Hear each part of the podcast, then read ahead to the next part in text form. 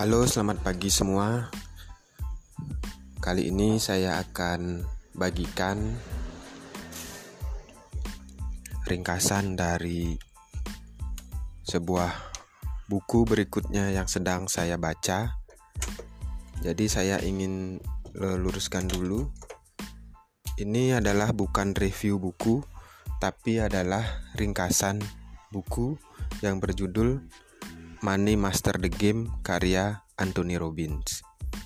Nah, di buku ini dijelaskan ada tujuh langkah untuk kita mencapai kebebasan finansial. Buku ini berdasarkan hasil wawancara Anthony Robbins terhadap banyak orang-orang yang bebas secara finansial. Saya langsung aja sekali lagi ini bukan review buku tapi ini adalah ringkasan buku yang saya baca sampai uh, detik ini. Langkah pertama yang ada di dalam buku ini adalah untuk mencapai kesejahteraan finansial, kebebasan finansial adalah kita harus mulai memanfaatkan kekuatan bunga berbunga atau kekuatan bunga menjemuk atau yang bahasa kerennya compound interest. Compound interest ini adalah bunga berbunga dari hasil tabungan kita. Cara ini tidak merupakan cara cepat untuk kaya, tapi merupakan cara yang perlu ketekunan dan konsisten dan perlu waktu lama minimal 20 tahun sampai 30 tahun. Jadi cara ini sebaiknya Anda mulai sejak dini, secepat mungkin. Saat ini adalah hari terbaik untuk Anda memulai cara ini. Cara ini adalah kita menyetorkan setiap bulan dari penghasilan kita untuk kita tabung atau kita investasikan dengan metode bunga berbunga. Kita pilih instrumen investasi yang bunga berbunga. Kalau di bank itu ada namanya deposit eh, tabungan berjangka. Nah, cara ini tidaklah mudah karena untuk menyisihkan sekian persen dari gaji itu tidaklah mudah. Karena apa? Karena kita setiap hari ke mana pun kita berjalan kita akan disuguhkan dengan iklan-iklan dan diskon-diskon promo-promo menarik lain yang membuat kita tergiur untuk membelanjakan uang kita dan kita berhadapan dengan ahli-ahli pemasaran dari perusahaan-perusahaan besar yang belajar tentang perilaku manusia. Jadi menyisihkan tabungan setiap bulan itu tidaklah perkara yang mudah.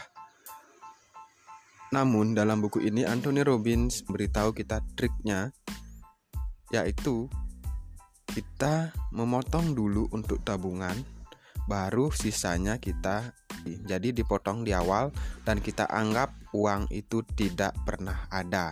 Kita anggap uang yang dipotong untuk tabungan kita itu tidak pernah ada karena kita memotongnya di depan.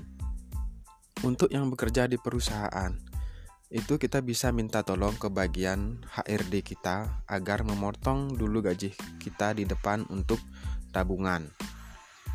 Tapi jika kita pengusaha atau wira swasta, kita juga bisa memanfaatkan itu misalnya e, dari hasil pembayaran yang kita dapat dari penjual kita minta untuk mentransferkan sekian rupiah ke rekening itu rekening yang untuk kita jadikan tabungan. Nah seperti itu. Kenapa harus seperti itu? Karena berat banget kita untuk e, melawan istilahnya promo-promo yang disuguhkan oleh perusahaan-perusahaan besar melalui ahli-ahli perilaku manusia mereka. Itu sangatlah berat. Contohnya adalah ketika promo alat kosmetik.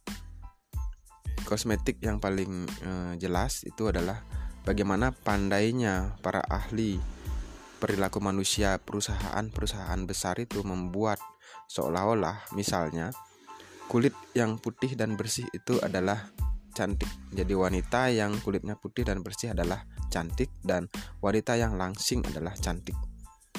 Padahal kita semua tahu semua wanita itu cantik apa adanya. Tapi dengan pandainya para pemasar-pemasar itu membuat sedemikian rupa, jadi membuat image baru. Itu sangat berbahaya. Jadi sangatlah susah untuk menghadapi promo-promo yang disajikan oleh ahli-ahli perilaku manusia tersebut. Jadi kesimpulannya adalah kita harus mulai memanfaatkan bunga berbunga ini sedini mungkin dengan menyisihkan penghasilan kita minimal 10% dari penghasilan. Baiklah, baru demikian sekian yang saya baca.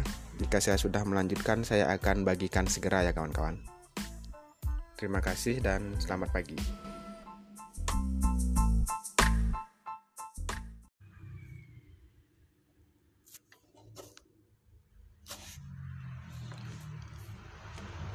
Halo, selamat sore kawan-kawan semua. Saya akan lanjut ringkasan dari buku Money Master the Game karya Anthony Robbins. Yang menarik perhatian saya adalah di buku ini dijelaskan ada enam kebutuhan dasar manusia dalam membuat kita bergerak, yang menggerakkan kita. Nah, enam kebutuhan dasar manusia ini menurut Anthony Robbins sangat penting untuk dipahami karena kita bisa juga menggunakannya sebagai alat untuk mencari kekayaan. Yang pertama itu adalah kebutuhan akan kepastian, akan kenyamanan. Kebutuhan manusia pertama adalah kebutuhan untuk kepastian.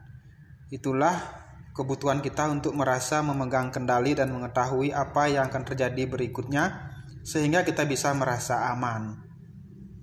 Itulah kebutuhan terhadap kenyamanan dasar, kebutuhan untuk menghindari rasa sakit dan stres, termasuk menciptakan kesenangan. Nah, tapi bagaimana jika Anda benar-benar yakin sepanjang waktu? Jika Anda tahu apa yang akan terjadi, kapan akan terjadi, bagaimana hal itu akan terjadi. Untuk itu, muncullah kebutuhan yang kedua. Jadi kebutuhan yang pertama adalah kepastian dan kenyamanan. Kebutuhan yang kedua adalah ketidakpastian atau keragaman. Kita perlu keragaman, kita perlu kejutan. Nah, izinkan saya mengajukan sebuah pertanyaan. Apakah Anda suka kejutan? Jika Anda menjawab ya, Anda memperolok-olok diri Anda sendiri. Jadi yang Anda suka kejutan yang Anda inginkan. Yang tidak Anda inginkan Anda sebut sebagai masalah. Tetapi Anda masih membutuhkan mereka untuk menaruh membentuk beberapa otot dalam kehidupan Anda.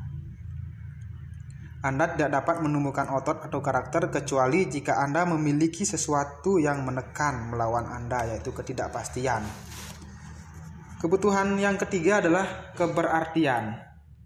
Kebutuhan dasar manusia, eh, apa namanya? Kebutuhan dasar manusia Kebutuhan dasar manusia yang ketiga adalah keberartian. Jadi kita semua harus merasa penting, khusus, unik atau dibutuhkan.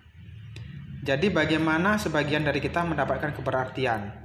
Kita bisa mendapatkannya dengan penghasilan miliaran dolar atau mengumpulkan gelar akademik.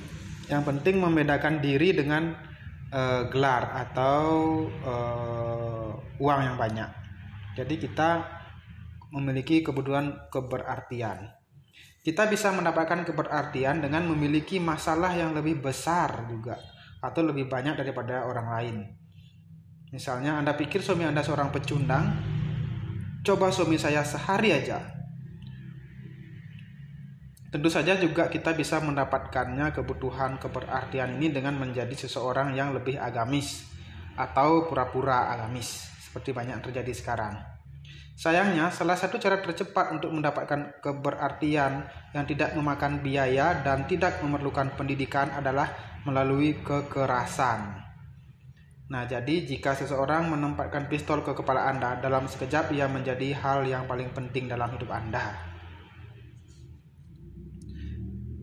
Keberartian ini juga adalah penghasil uang. Itu adalah dari mana Teman baik dari Anthony Robbins, Steve Wine, menghasilkan kekayaannya. Kebutuhan yang keempat adalah cinta dan hubungan. Cinta adalah oksigen kehidupan. Ia adalah apa yang paling kita inginkan dan butuhkan. Ketika kita mencintai sepenuhnya, kita merasa sepenuhnya hidup. Tapi ketika kita kehilangan cinta, rasa sakitnya begitu besar sehingga kebanyakan orang menetap dalam hubungan remah-remah cinta. Nah, jadi Empat kebutuhan pertama ini adalah apa yang disebut sebagai kebutuhan kepribadian. Kita semua mencari cara untuk memenuhi apakah dengan bekerja lebih keras, hadir dengan masalah yang besar, atau menciptakan cerita untuk merasionalisasi mereka. Nah, dua kebutuhan yang terakhir ini adalah kebutuhan jiwa. Mereka lebih jarang, tidak semua orang memenuhi kriteria tersebut. Namun, ketika kebutuhan ini terpenuhi, kita benar-benar merasa puas. Apa saja itu? Kebutuhan yang kelima adalah kebutuhan pertumbuhan. Jika tidak tumbuh, apa sebenarnya diri Anda? Anda mati. Jika semua hubungan tidak tumbuh, jika bisnis tidak berkembang, jika Anda tidak tumbuh, tidak peduli berapa banyak uang yang Anda miliki di bank, berapa banyak teman yang Anda miliki, berapa banyak orang mencintai Anda, Anda tidak akan mengalami kepuasan nyata. Dan alasan kita tumbuh, begitu kita memiliki sesuatu yang berharga untuk diberikan. Kebutuhan yang terakhir adalah kontribusi.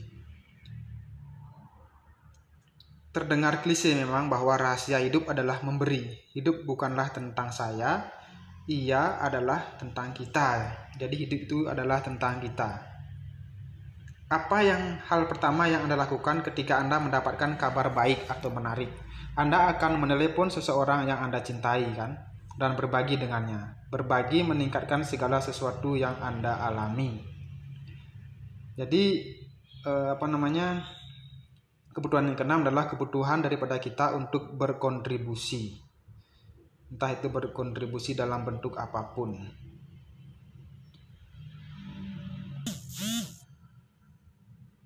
Nah jadi enam kebutuhan dasar ini adalah uh, hal yang sangat penting yang harus kita semua ketahui dan kita bisa manfaatkan untuk mencapai kekayaan. Buku ini berakhir ringkasan saya ini di halaman 121 saya akan lanjut di ringkasan berikutnya. Oke terima kasih teman-teman sudah menyimak sampai di sini selamat sore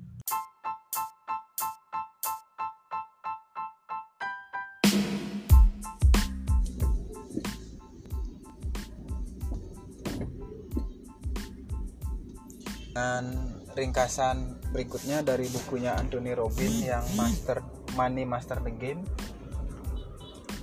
Di buku ini Anthony Robin menyebutkan bahwa ada banyak banget biaya-biaya tersembunyi yang ada di reksadana yang ditawarkan oleh perusahaan-perusahaan pengelola reksadana. Jadi kita harus jeli melihat biaya-biaya itu biayanya di bukunya ada daftarnya saya juga lupa jadi semacam ada biaya transaksi ada biaya pencairan ada biaya penempatan dana ada biaya pemotongan dari penambahan nilai investasi dan macam-macam.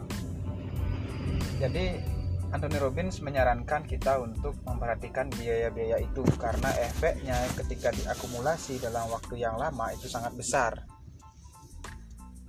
Bahkan dia bisa mengurangi jumlah investasi kita dalam jumlah yang sangat signifikan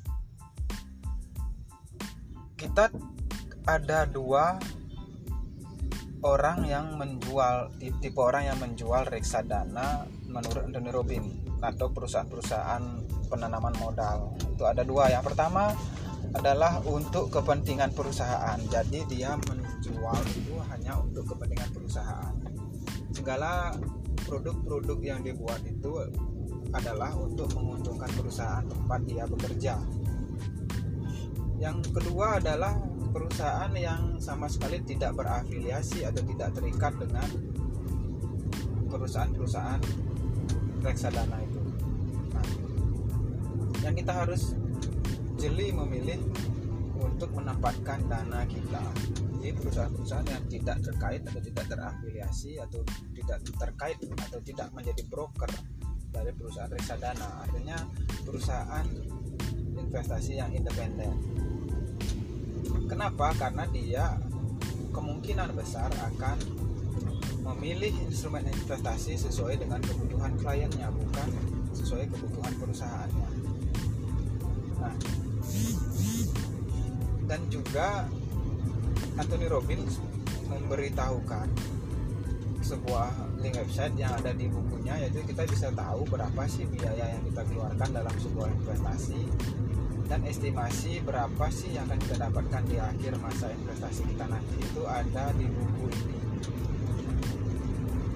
Anthony Robbins memberi, memberitahu bahwa di Amerika sana dan saya rasa apa yang terjadi di Amerika kurang lebih akan terjadi juga di Indonesia tinggal menunggu waktu karena kita acuan belajarnya salah satunya adalah ke Eropa ke Amerika oke? Jadi kurang lebih pasti ada persamaannya. Nah di Amerika sana ada perusahaan investasi yang beranggotakan hanya segelintir orang jadi kliennya tidak banyak tapi satu klien itu memiliki dana dengan jumlah yang sangat besar.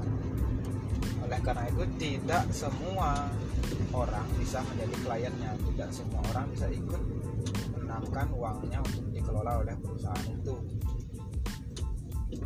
Nah Anthony Robin mewawancara beberapa dari pemilik-pemilik perusahaan itu itulah yang dibagikan di buku ini juga.